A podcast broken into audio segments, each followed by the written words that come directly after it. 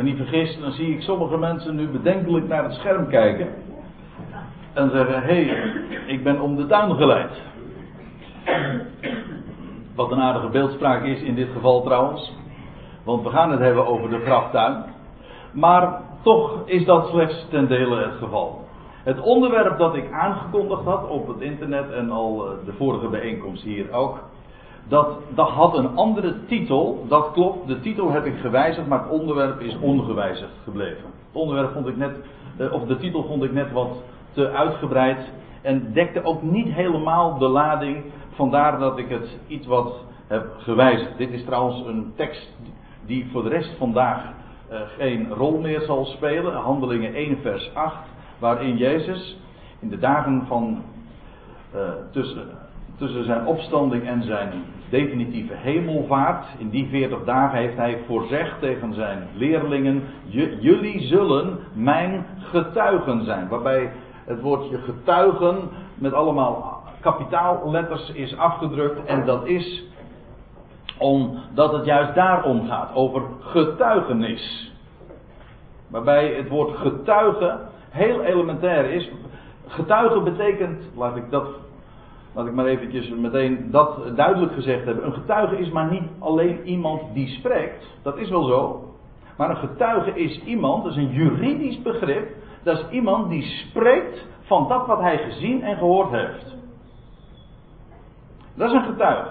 Nou, dat speelt een hele grote rol uh, deze dag. Daar gaat het eigenlijk allemaal om. Zodat we het toch wel degelijk gaan hebben over dat onderwerp wat ik aanvankelijk onder de titel uh, had aangekondigd. Indien Christus niet is opgewekt. Dat, is, dat waren woorden die ontleend zijn aan 1 Korinthe 15. En ik stel voor dat we inderdaad naar dat schriftgedeelte eerst toe zullen gaan. En dan begin ik te lezen in vers 12. Vind het altijd jammer om daar een stukje uit te knippen, omdat dat 1 Korinthe 15 echt een totaliteit is. Je moet dat van het begin tot het eind feitelijk lezen. Maar goed, u zegt, u, u hoort het al, het, is, uh, het telt 58 versen. Dat is heel veel, dus dat kan niet allemaal zo besproken worden. Paulus begint, misschien is dat goed om even in herinnering te brengen.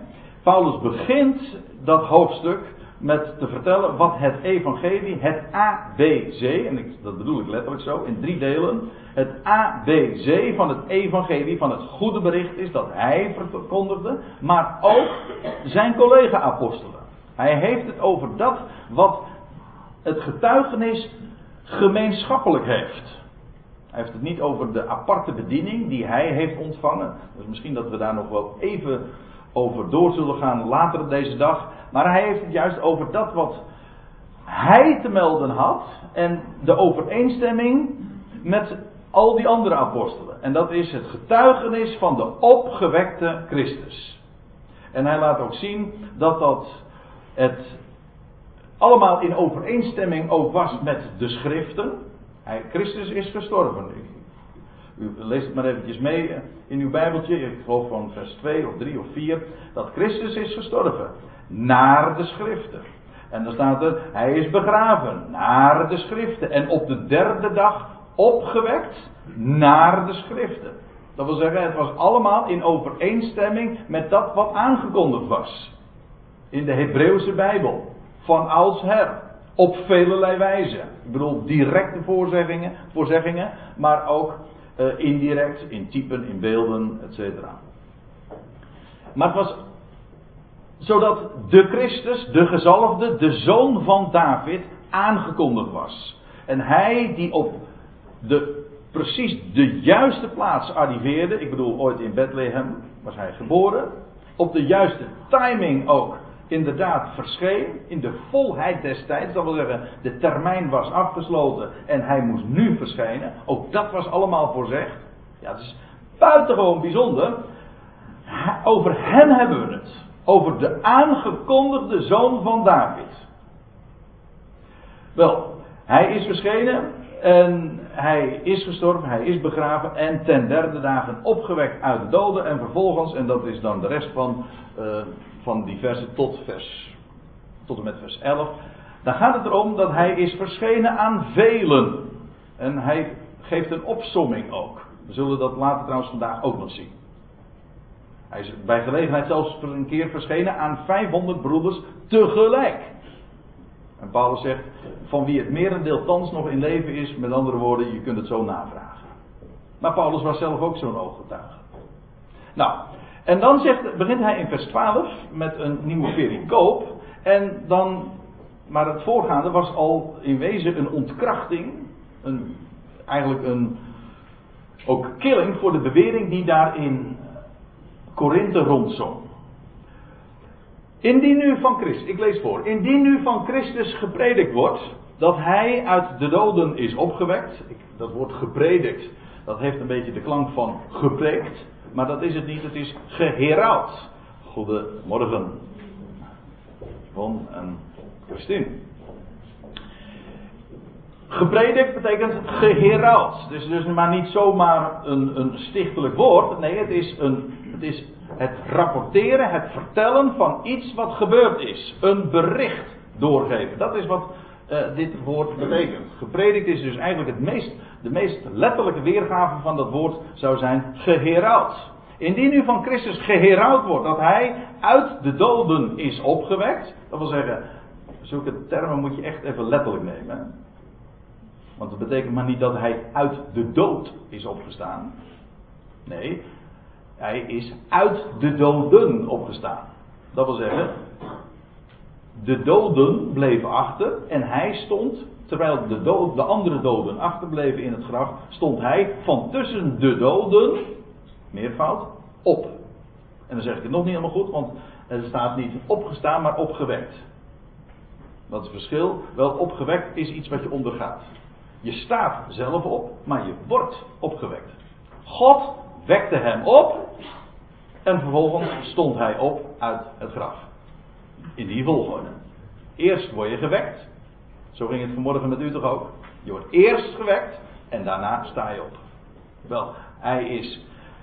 Indien u van Christus geheraald wordt dat hij uit de doden is opgewekt, hoe komen sommigen onder u ertoe te zeggen dat er geen opstanding der doden is?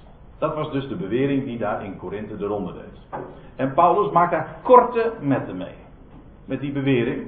Want dat is namelijk fataal voor dat wat, waar het allemaal om gaat.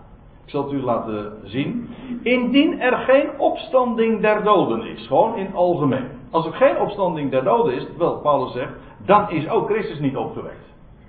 Want Christus was een dode. Wel, als er geen opstanding der doden is, dan is Christus dus bijgevolg ook niet opgewekt. Dus die algemene bewering is dus direct in strijd met dat wat nu juist waar het allemaal om ging en wat geheraald werd. En zegt hij in vers 14: En indien Christus niet is opgewekt, dan is immers onze herautboodschap, als ik het zo mag zeggen, onze prediking zonder inhoud staat letterlijk gewoon een woord dat leeg betekent. Maar dat is precies ook wat zonder inhoud uh, wil zeggen. Het is zonder inhoud, het is volstrekt leeg. Waarmee antwoord gegeven is op de vraag wat de prediking nu eigenlijk is, wat de herautboodschap is. Namelijk, wat is de inhoud? Namelijk dit: Christus is opgewekt uit de doden. Met alle gevolgen van dien. Maar dat is de inhoud. Dat is de essentie. Niet dat Christus is gestorven. Natuurlijk veronderstelt dat het wel, uiteraard. Ik bedoel, als hij niet gestorven zou zijn, dan kon hij ook niet begraven worden en dan kon hij dus ook niet uit de doden en uit het graf opgewekt worden. Daarom, het veronderstelt het wel, maar het is niet de boodschap, het is niet het evangelie dat er iemand stierf, is in wezen geen evangelie. Het evangelie is dat hij die stierf, ook daadwerkelijk, zoals voorzegd, ook opgewekt werd uit de dood. Uit de doden. Moet ik zelf ook goed zeggen natuurlijk. Dat is de inhoud. En zegt hij, en zonder inhoud is dus ook het geloof van jullie. Dat waar jullie van overtuigd zijn geworden. De inhoud van dat wat wij vertellen en de inhoud van dat wat jullie geloven, dat is De opgewekte Christus. Waarbij ik de dubbelzinnigheid van het woord opgewekt en opgewekte maar, graag, maar al te graag ook meeneem. Want ja, ook dat is niet zo uh, moeilijk. Als je eenmaal weet wat het betekent. Dat hij is opgewekt uit de doden. Dat het leven sterker is dan de dood. Hij is de eersteling, ook dat staat in 1 Korinthe 15, de eersteling en daarmee ook de garantie voor alles wat volgt. Al die doden, die zullen worden, TCT, ieder in zijn eigen rangorde, worden opgewekt. Nou, als je daar niet opgewekt van wordt, dat het leven, heerlijkheid, zal triomferen voor elk mensenkind. Dat staat allemaal in dit hoofdstuk. Zo een gemachtig hoofdstuk. Als u zegt, je mag maar één hoofdstuk in de hele Bijbel overhouden. En de rest moet je dan wegdoen. Dan zeg ik van nou, die deal ga ik niet aan. Maar als u nou echt het uh, mes op mijn strot zegt, dan zeg ik dan laat in ieder geval 1 Korinthe 15 achter. Want dan heb je het. Dat is, dat is namelijk de inhoud. En dat, dat hoofdstuk plaatst het ook allemaal in het grote perspectief. In het hele brede, allesomvattende plan. Dat de hele mensheid en heel de schepping zelfs omvat. Wel, zonder in, als dat zo zou zijn, de bewering, de consequentie van de bewering die daar in Korinthe de ronde deed, namelijk er is geen opstanding der doden, betekent dat Christus niet is opgewekt. Als dat zo is, dan is de prediking gewoon helemaal volsteld. Helemaal niks voor, het is pure flauwekul. Je moet eraan denken dat het ook in vele kerken zo gebracht wordt. dat, dan wordt, er zo, wordt het zo verteld van ja, het evangelie dat is een, een, mooie boodschap en dat steekt ons een hart onder de riem en dat is allemaal waar natuurlijk. Maar als dit niet waar is, en of het, ik heb zelf ooit een keertje zo'n kerkdienst, nou uh, niet één keer, maar meerdere keren meegemaakt. Dat was nabij Staphorst, nee niet in Staphorst, daar zal het niet gebeuren denk ik. Maar uh, het was in Eijhorst en daar hoorde ik een predikant notabene met Pasen nog zeggen van... Uh, hij hield een heel mooi verhaal. Nou ja, wat je mooi noemt. Petra, jij was, jij was ook getuige. Hè? En, maar uiteindelijk, het kwam erop neer. Het was geen feit. Het was een mooi verhaal dat ons een hart onder de riem steekt. Maar het steekt ons helemaal geen hart onder de riem. Als het niet waar is. Het is mooi, het is geweldig, het vertroost. Waarom? Omdat het de waarheid is. Dat is, dat is geweldig. Het is een bericht. En waarom is het een goed bericht? Wel omdat het waarheid is.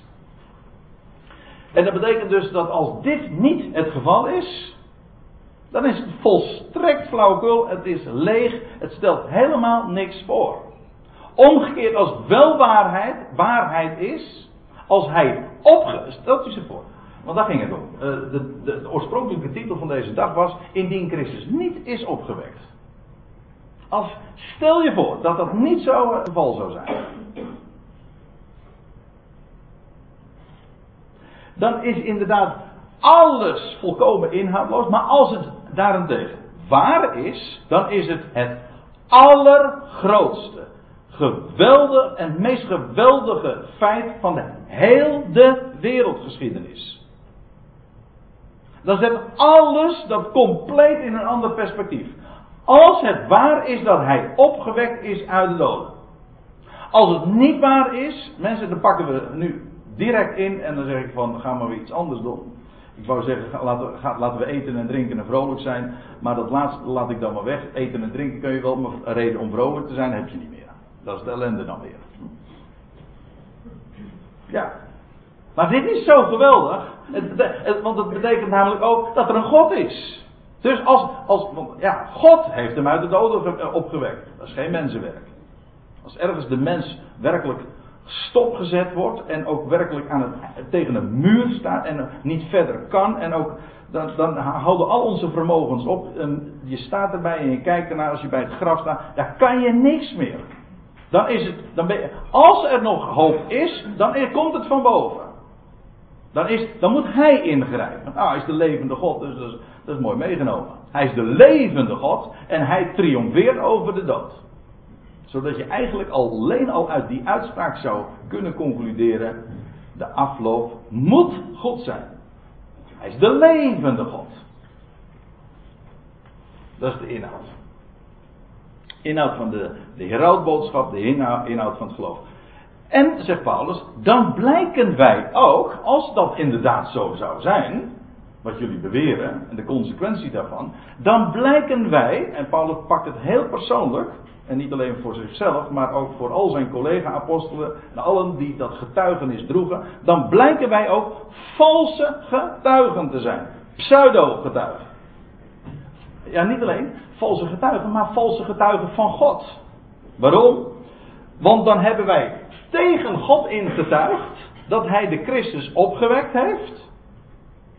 Die hij toch niet heeft opgewekt als er, indien er geen doden opgewekt worden. Dat wil zeggen, als die bewering van jullie waar is.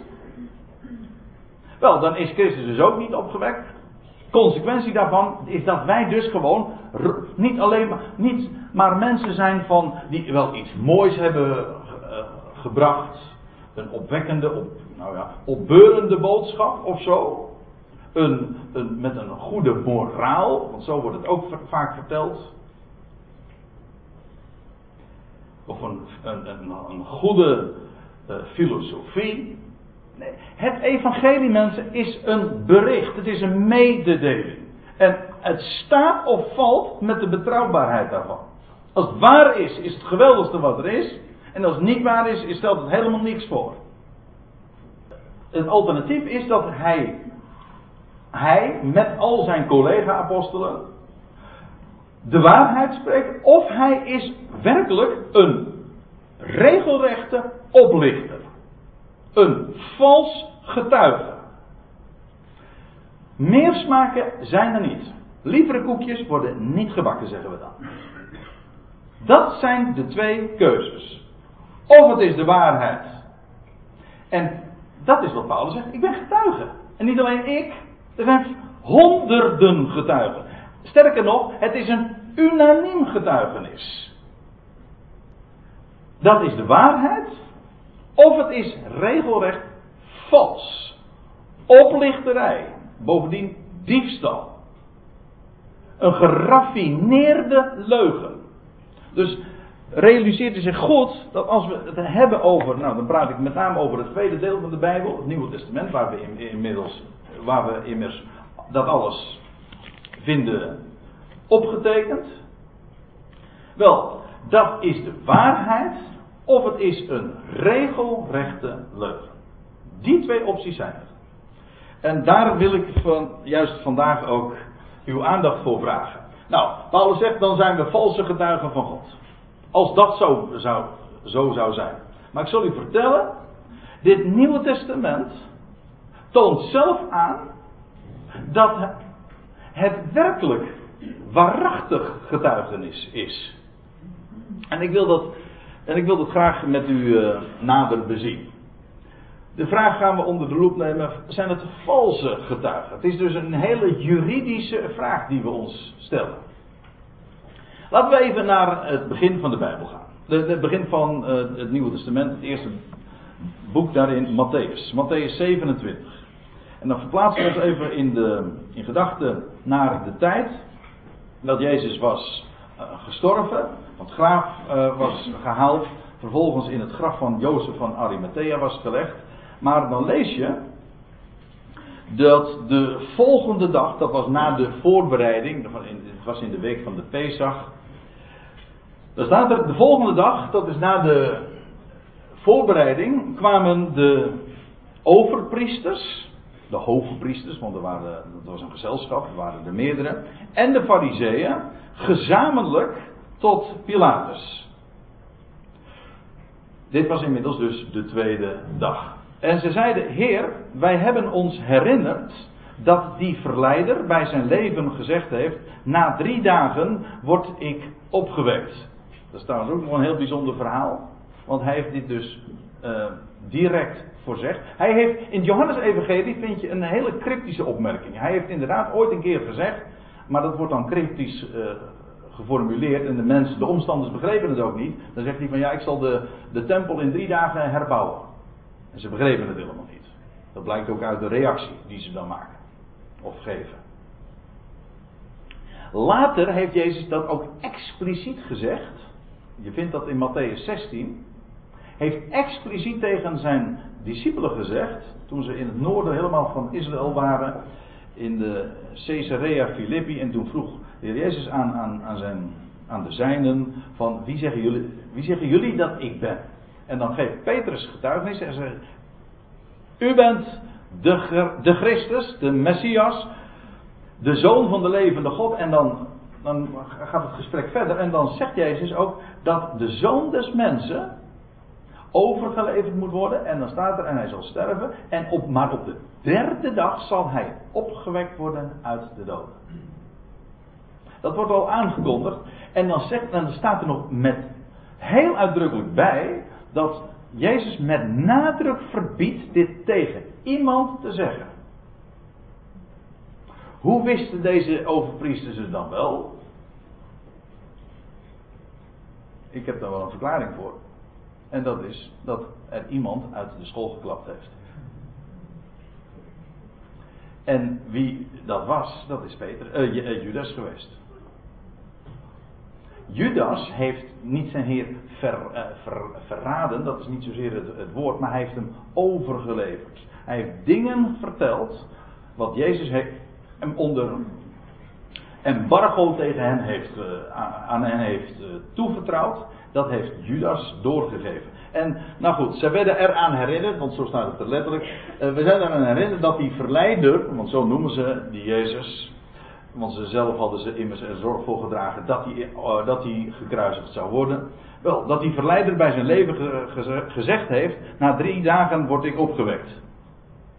Geef daarom bevel, zeggen ze tegen Pilatus dan. Ik bedoel, het was een hoge godsdienstige delegatie die daar in Jeruzalem, dus daar bij Pilatus aankomt. Geef daarom bevel het graf te verzekeren tot de derde dag. Anders konden zijn discipelen hem komen stelen en tot het volk zeggen: Hij is opgewekt uit de doden en de laatste dwaling zou erger zijn dan de eerste. nou, Pilatus is het ter wille. En hij zei tot hen: Hier hebt gij u een wacht. Dat wordt ook nog op een precieze wijze beschreven, elders. En de, de, de formulering suggereert ook dat het een wacht was van ben me in ieder geval op vast, maar ik geloof van zes personen, van zes soldaten. En in elk geval, hier hebt gij een wacht, ga heen en verzekert het naar uw beste weten. En ze gingen heen, uh, en ze gingen heen en verzekerden het graf met de wacht naar de steen verzegeld te hebben. Dat wil zeggen, het kreeg een keizerlijk zegen, uh, zegel, pardon. Geen zegen, maar een keizerlijke zegel. En dat betekende dat als dat verbroken zou worden, dan was, dan was men de dood schuldig. Dus het was een, een steen van, van zo ongeveer twee ton die voor het graf, het was een, je leest het ook, een grote, zeer zware steen. En uh, wat we weten van de, uit, die, uit die tijd, uit buitenbijbelse bronnen, dat het ongeveer een steen van twee ton geweest moet zijn, die daar voor het graf lag. En nou ja, die steen wordt daar weg, uh, voorgerold en bovendien, die steen wordt verzegeld. En dat vind ik nou zo mooi. Op straffen van de dood werd de steen, kon, uh, nee laat ik het anders zeggen, als de steen zou worden weggerold en dus daarmee de, verzegel, de verzegeling zou worden verbroken, dan was iemand de dood schuldig. En dan te bedenken dat juist door het wegrollen van het graf de dood werd overwonnen.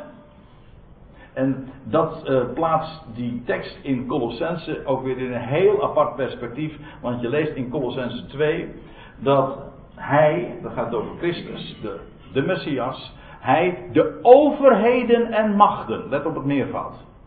De overheden en machten, niet alleen de, de, de politieke overheden, maar ook de godsdienstige overheden. Die waren hier nu bij elkaar. Pilatus, als representant van het Romeinse Rijk, en de overpriesters, de fariseeën, de, de godsdienstige elite. Wel, zij regelen dit. Wel, wat gebeurde er op die derde dag? Nou, toen zijn de overheden en machten, met die grote steen die verzegeld werd met dat keizerlijk zegel. Toen zijn de overheden en machten ontwapend uitgekleed staat er. En openlijk te kijk gezet, tentoongesteld. En zo heeft hij over hen gezegevierd. Nou, dat kun je wel zeggen. De dood werd overwonnen. En zo werd, werden inderdaad de overheden en machten tentoongesteld. Openlijk zelfs. Maar goed, dat uh, even terzijde. Ik uh, lees eventjes verder, want ik heb nu een paar uh, versen geciteerd uit Matthäus 27. Als je dan verder leest in Matthäus 28, dan zijn we inmiddels op de derde dag aangekomen. Dan lees je, ja, dan, dan lees je in het eerste vers al dat de steen was weggerold en dat de bewakers waren, nou er was een aardbeving. De bewakers waren uit angst wegge, weggejaagd of, of weggevlucht. En dan lees je in vers 11. Toen zij, en dan gaat het over de vrouwen die in de alle vroegte al bij het graf gekomen waren. Toen zij onderweg waren, zie enigen van de wacht kwamen in de stad. Dus niet allemaal, maar een paar van hen kwamen in de stad om de overpriesters al het gebeurde te berichten. En in een vergadering met de oudsten kwamen zij tot een besluit. En zij gaven de soldaten veel geld. Kortom, ze werden gewoon omgekocht. Over leugen gesproken. En over oplichting gesproken. Ze kwamen in vergadering met de oudsten tot dit besluit. En ze zeiden, vers 13, zegt, zegt ze, dat zeiden ze dus tegen die wachters, die weggevlucht waren, zegt zijn discipelen, uh, zegt dat zijn discipelen des nachts zijn gekomen en ze hebben hem gestolen, terwijl wij sliepen. Dat was natuurlijk ook geen aanbeveling voor hen, want daar, daarmee riskeerden zij zelf trouwens ook de doodstraf. En, maar maken de, de godsdienstige leiders dan hen duidelijk, indien dit de stadhouder ter oren komt, wij zullen het in orde brengen en maken dat gij buiten moeite blijft.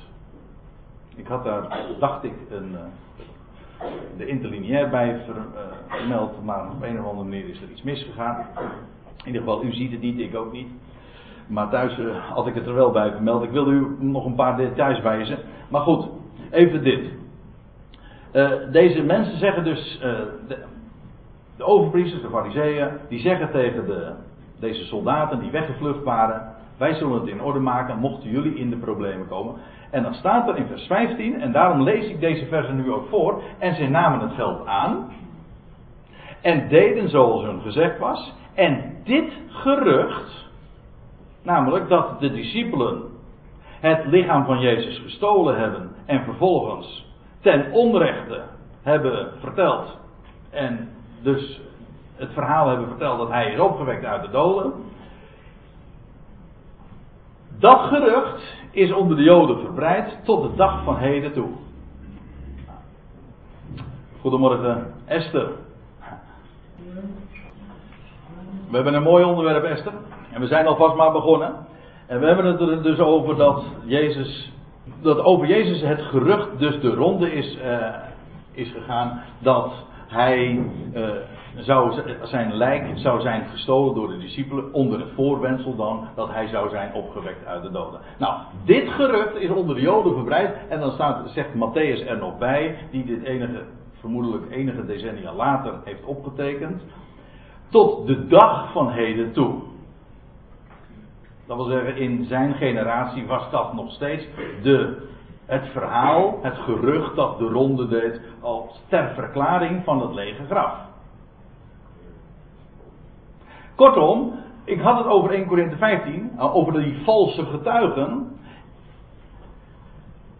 Dat is inderdaad dus wat de Joden zeiden. De discipelen, of zij die dan door het leven gingen als apostelen, degenen die werkelijk met een missie erop uit waren gestuurd, wel zij hadden, waren valse getuigen. En de beschuldiging ligt er niet om. Ze waren in de eerste plaats dieven. En in de tweede plaats leugenaars. Dat was de beschuldiging. Maar kan u heel gemakkelijk ook laten zien waarom beide ideeën, beide beschuldigingen volstrekt ongegrond zijn. We zullen dat ook uh, zien. En ik wil een drietal redenen noemen. In de eerste plaats. Waren zij in staat om het lichaam te stelen? Notabene, er was een wacht. bij het graf gestationeerd. Er was een zeer zware steen, bovendien met een keizerlijk zegel. Zij waren dus niet eens in staat om het lichaam te stelen.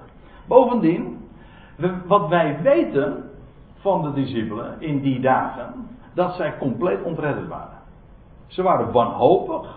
Hun meester was, was gestorven. En het was totaal niet tot hen doorgedrongen dat wat er ooit voorzegd was. Dat, dat weten wij uit allerlei, uit allerlei bronnen. De evangelieën zeggen dat ook, verklaren dat ook unaniem. En het is ook op zich wel begrijpelijk. Bekend is het verhaal van de Emmausgangers. Die dan ook compleet ontredden op de derde dag notabene uh, zijn. En dan voegt Jezus zich incognito bij hen. En dan verklaart dan verklaren ze ook van ja, nou ja, alles wat er gebeurd is. En ze zijn gewoon wanhopig. En ze gaan daarom maar, maar naar Emmaus. En ze waren, en als klap op de vuurpijl, en dat was wat hun wanhoop nog meer uh, deed groeien, dat was dat er die dag uh, de, de, vrouwen ons hebben ontsteld en dat ze een verschijning hadden gezien. Kortom, het was allemaal drama. Ze geloofden daar helemaal niks van. Ze waren in wanhoop. absoluut niet in de conditie om, om, een, om zoiets te doen als een lichaam te stelen. Maar nou, nou, nou nog een punt. Uh, trouwens, uh, nog even een, een ander, een bijkomend punt. Alles in het graf verraadt ook orde en rust. Dat wat er nog achtergebleven was, namelijk de hoofdwindsels, lees je in het Johannes-evangelie, en eigenlijk een lege kokon, dat was er achtergebleven. In die zin was het graf niet helemaal leeg dus.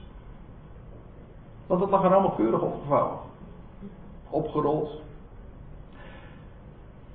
En dus dat, uh, geeft, dat spreekt ook op dat hele verhaal, dat gerucht dat onder de Joden de ronde heeft gedaan, ter verklaring van dat lege graf, dat dat helemaal niet opgaat. Nou, tweede punt is, zouden deze krachtige en blijmoedige getuigen dieven en leugenaars zijn? Dat is misschien wel een van de meest sprekende feiten. Als er één ding toch duidelijk is, is dat die discipelen van wanhopige, gedesillusioneerde mensen compleet veranderd waren in blijmoedige mensen. Hun hele leven unaniem, hè? Allemaal. Niet enkele. Nou ja, één was er uh, pas een paar dagen later achter. Die was heel sceptisch. Dat was een, een man die, die zei van dat kan helemaal niet. Dat verhaal over die opgestane. Maar die werd acht dagen later zelf ook ter plekke uh, overtuigd. Door de verrezenen zelf. En werd hij ook een ooggetuige. Kortom, dat hele gezelschap van alle discipelen, in de meest brede zin van het woord, van honderden. Zij werden allemaal levende, krachtige, blijmoedige getuigen. En het boek Handelingen geeft daar ook zo duidelijk verslag van. Wat zij allemaal hebben gedaan. En hoe krachtig hun getuigenis ook was. Trouwens, bevestigd dan ook nog allerlei wondertekenen. En één ding moet toch duidelijk zijn: deze mensen geloofden zelf in dat wat ze vertelden. Kijk, je kunt natuurlijk verdedigen dat er zoveel mensen uh, bereid zijn te sterven voor een leugen. Dat is, dat is waar. Maar dat doen zij omdat ze denken dat het de waarheid is. Wel, één ding is duidelijk: deze mannen en al deze vrouwen, al die honderden mensen, die waren zelf overtuigd, dat is volstrekt evident, van dat wat ze vertelden zodat het verhaal, het gerucht dat de ronde deed, namelijk dat het dieven en bovendien leugenaars waren. Namelijk, ze hebben een lichaam gestolen en dan vervolgens gaan vertellen, blijmoedig nog wel, met, met opgave van alles. Dat Jezus opgewekt zou zijn uit de doden. Waarom? Welk motief hadden ze daarvoor? Zij geloofden zelf onmiskenbaar in dat wat ze aangaven. En dan heb ik het derde punt, maar dat sluit er direct op aan. Bracht het getuigenis dat zij, dat zij vervolgens vertelden. Bracht hen dat voordeel op? Werden ze er rijk van? Wat zou hun motief geweest zijn? Gaf het hun aanzien of, wat, of meer van dat soort uh, dingen waar een mens dan blij van zou worden of waar een mens dan zo'n misdaad, want dat is het, diefstal, leugen, echt een doortrapte leugen. Wat bracht het hen op? Zouden honderden, unanieme, dat wil zeggen, het was dus volstrekt eenstemmig wat zij hebben verteld. Honderden unanieme getuigen bereid zijn te sterven voor een opzettelijke leugen.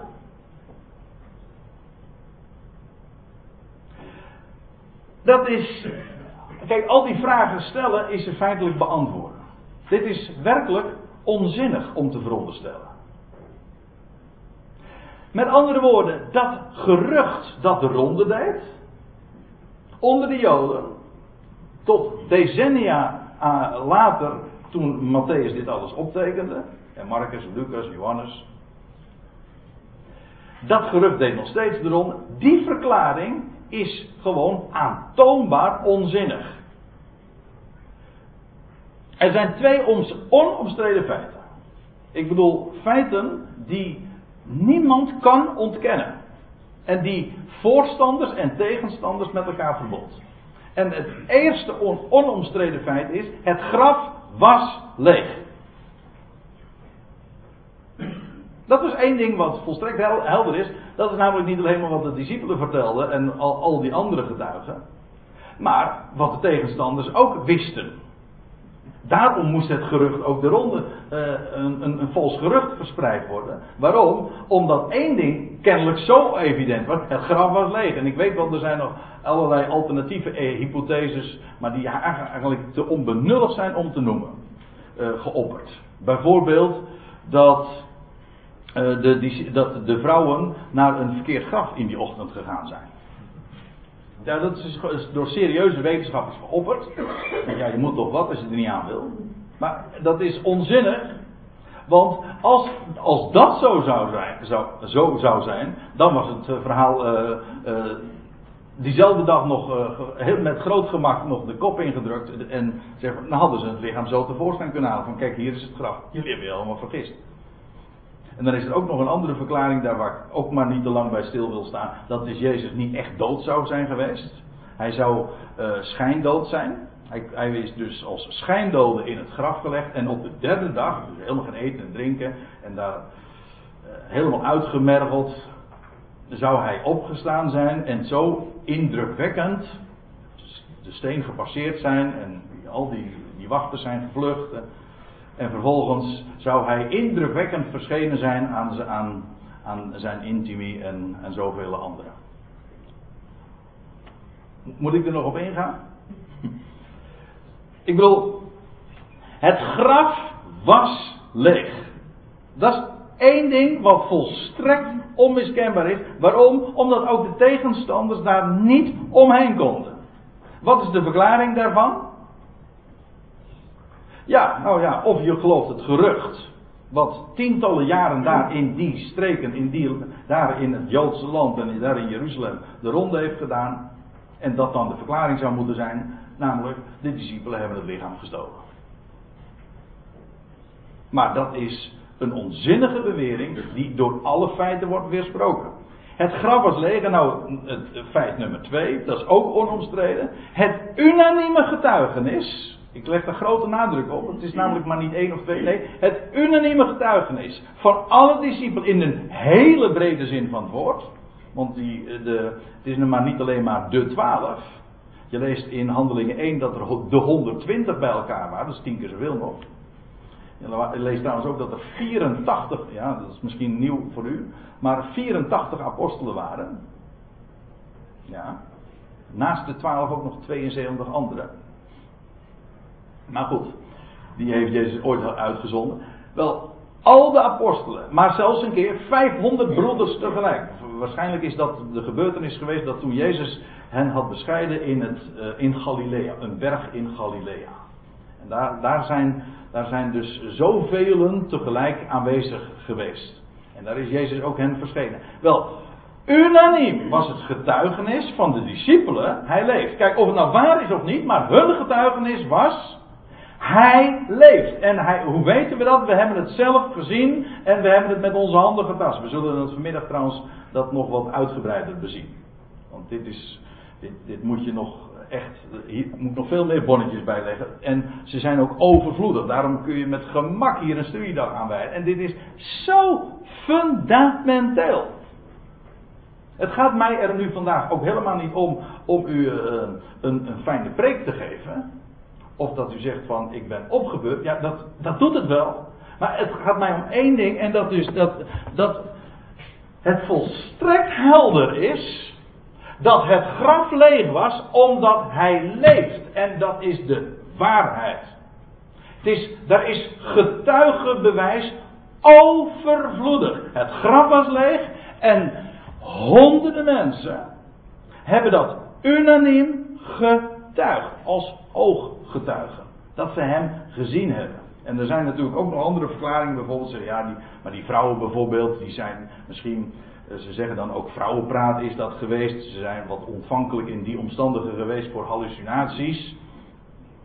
Hm, weet je wat dat soort ideeën krijg je dan? Er zijn ook verklaringen, maar ook die, die uh, bij, als je, als je uh, al gauw zodra je zo'n tegenwerping of zo'n alternatieve hypothese zeg maar benadert, dan, dan, dan vervliegt ze al op het moment dat je er serieus aandacht aan geeft. Want een, een massale hallucinatie, want daar spreken we dan over, dat is, dat is in de psychologie kennen we het verschijnsel van hallucinaties, maar dat is niet iets wat zich onder alle typen van mensen voordoet en zeker niet ook tegelijkertijd en niet vele malen. Ik bedoel, mensen hebben het gezien. Waar, waarom zou men het verwerpen? Ik weet wel dat er nog een verklaring is, en dat is dat men zegt van dat is natuurwetenschappelijk niet mogelijk. Wat dacht u daarvan? Dus, ondanks het feit dat het juridisch inderdaad volstrekt helder is, historisch kunnen we er niet omheen, maar dan nog is, geldt altijd van ja, maar het is toch te gek voor woorden. Dat een dood lichaam op de derde dag daar uit dat graf levend gemaakt zou worden. Maar dat heeft niks met natuurwetenschap te maken. Dat is een bepaalde filosofie over natuurwetenschap. Natuurwetenschap bestudeert gewoon de dingen die ze zien en waarnemen, maar kan geen uitspraak doen of zoiets mogelijk is of niet. Dat heeft niks met natuurwetenschap te maken, dat heeft te maken met een vooroordeel. Dus dat is ook geen echt bezwaar. Ik bedoel, geen geldig bezwaar.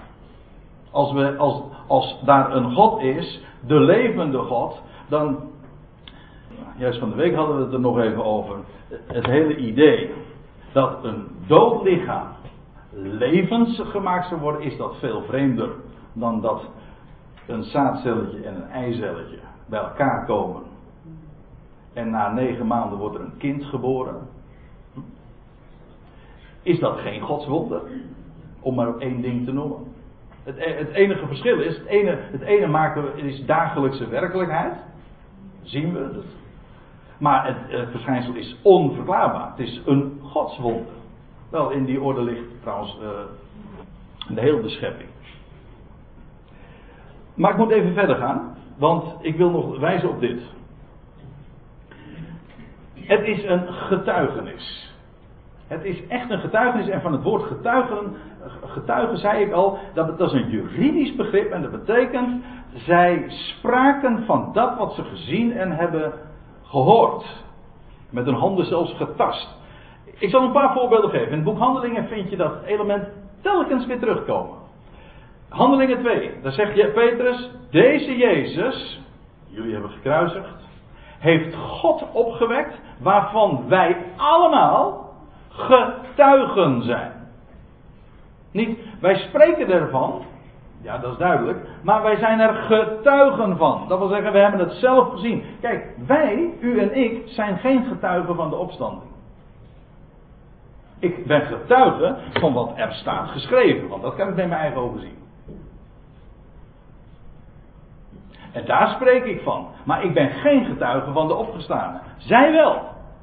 Zij hebben het met eigen ogen gezien en zij hebben dat. Zij waren dus met recht ooggetuigen. En al zodanig hebben ze opgetreden. Dat had Jezus ook gezegd. Jullie zullen mijn getuigen zijn. Juridisch zullen jullie getuigenis van, voor mij afleggen. dat het waar is dat ik leef. Nou, dat verklaren ze. Handelingen 3 lees je. Bij een andere gelegenheid, ook Petrus daar aan het woord. Die is de woordvoerder met name dan. En de leidsman ten leven staat er. Ik val midden in, in, het betoog. En de leidsman ten leven heeft gij gedood. Maar God heeft hem opgewekt uit de doden. Waarvan wij getuigen zijn. We hebben het zelf gezien en gehoord en we hebben dat meegemaakt. Wij zijn daar dus met recht in de meest in de, in de, in de, in de sfeer van rechtspraak, dus met recht getuigen van.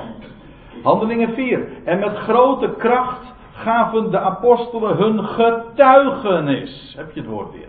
Van de opstanding van de Heer Jezus. En er was grote genade over hen allen. Ziet u ook hier weer de unanimiteit, de eenstemmigheid. Van allen die daarvan spraken. Was onmiskenbaar. Het graf was leeg.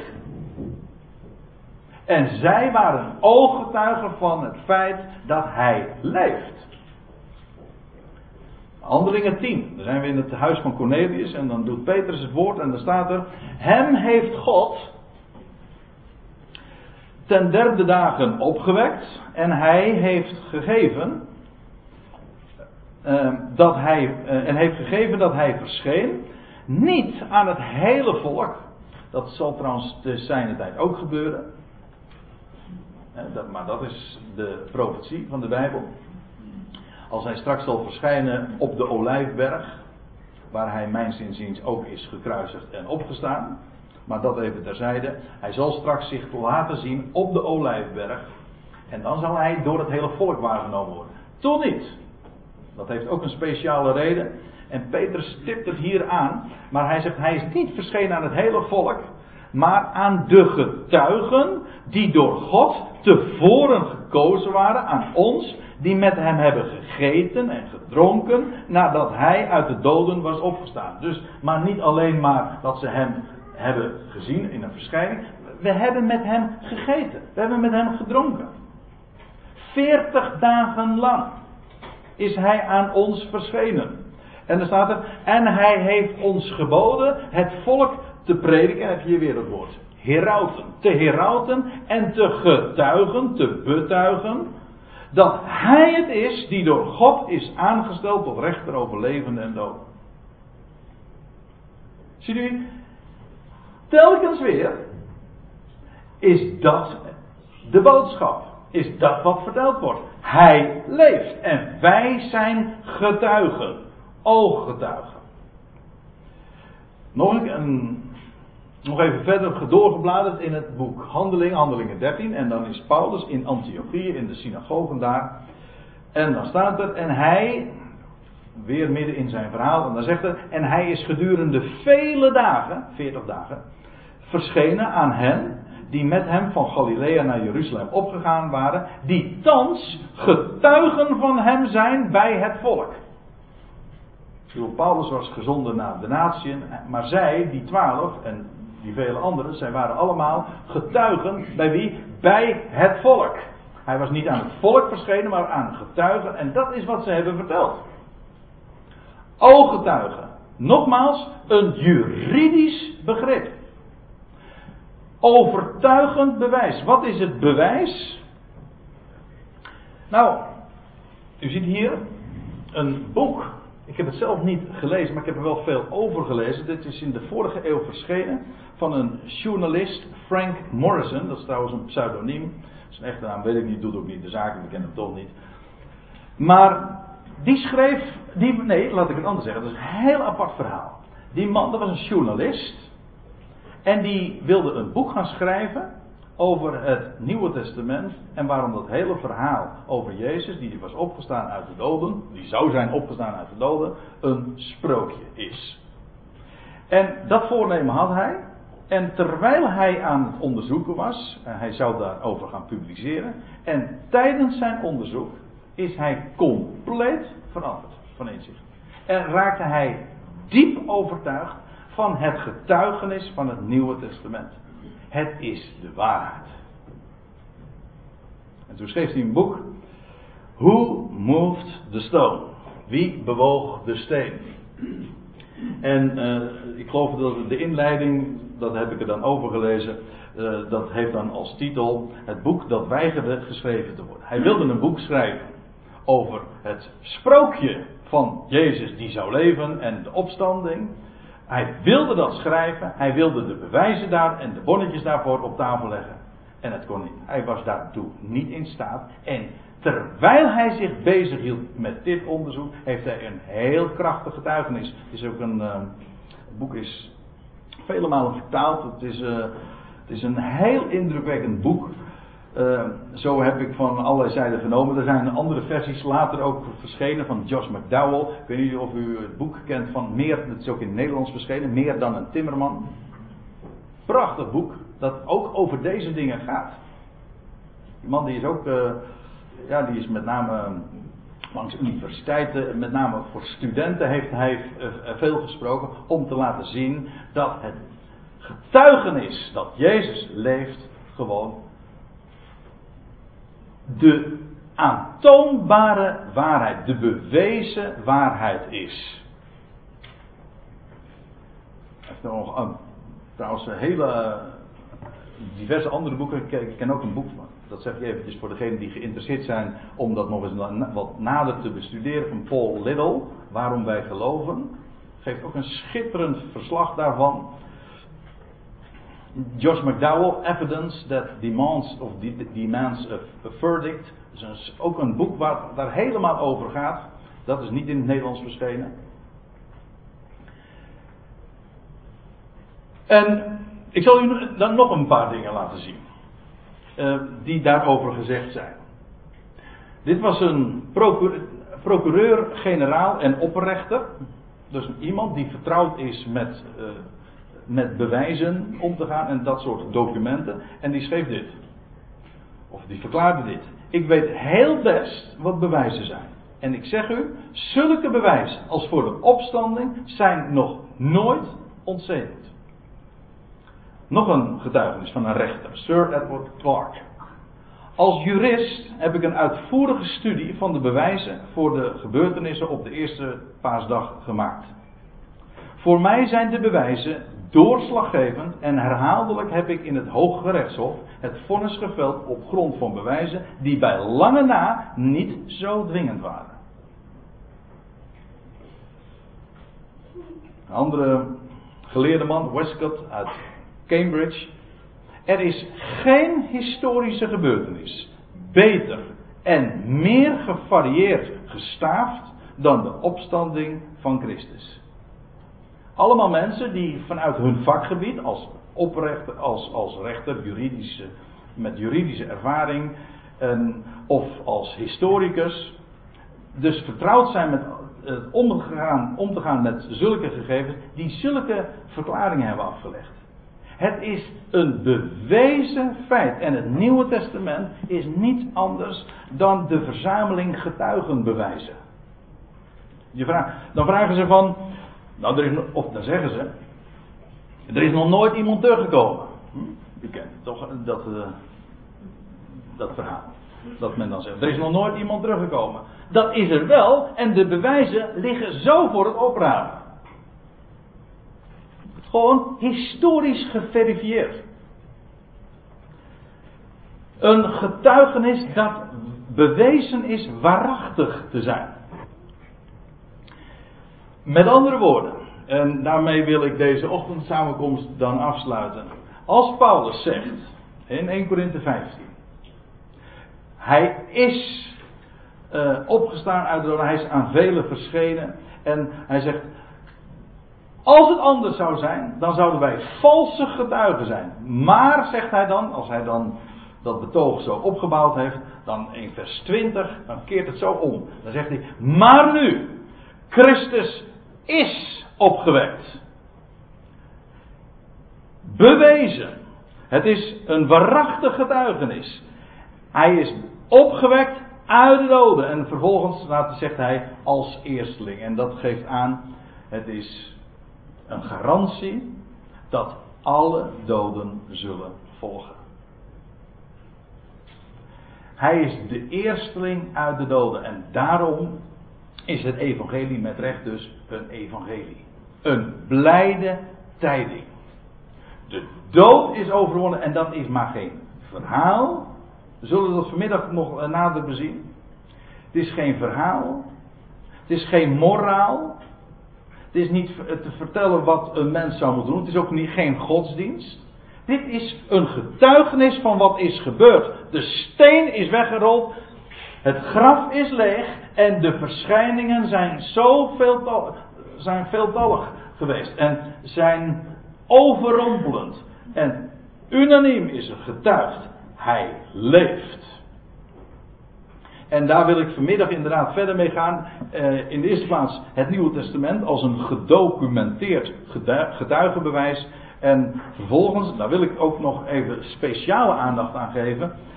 Uh, aan het feit dat de belangrijkste getuigen, die hebben we nou nog nauwelijks gehoord. Nou ja, we hebben 1 Corinthië 15 gelezen, namelijk de, de apostel Paulus. De laatste geroepen getuige. Daar willen we vanmiddag verder mee gaan. Maar voordat het zover is, stel ik voor dat we nog met elkaar een lied zullen zingen. En ja, waar zou dat anders over gaan dan over de opgestane?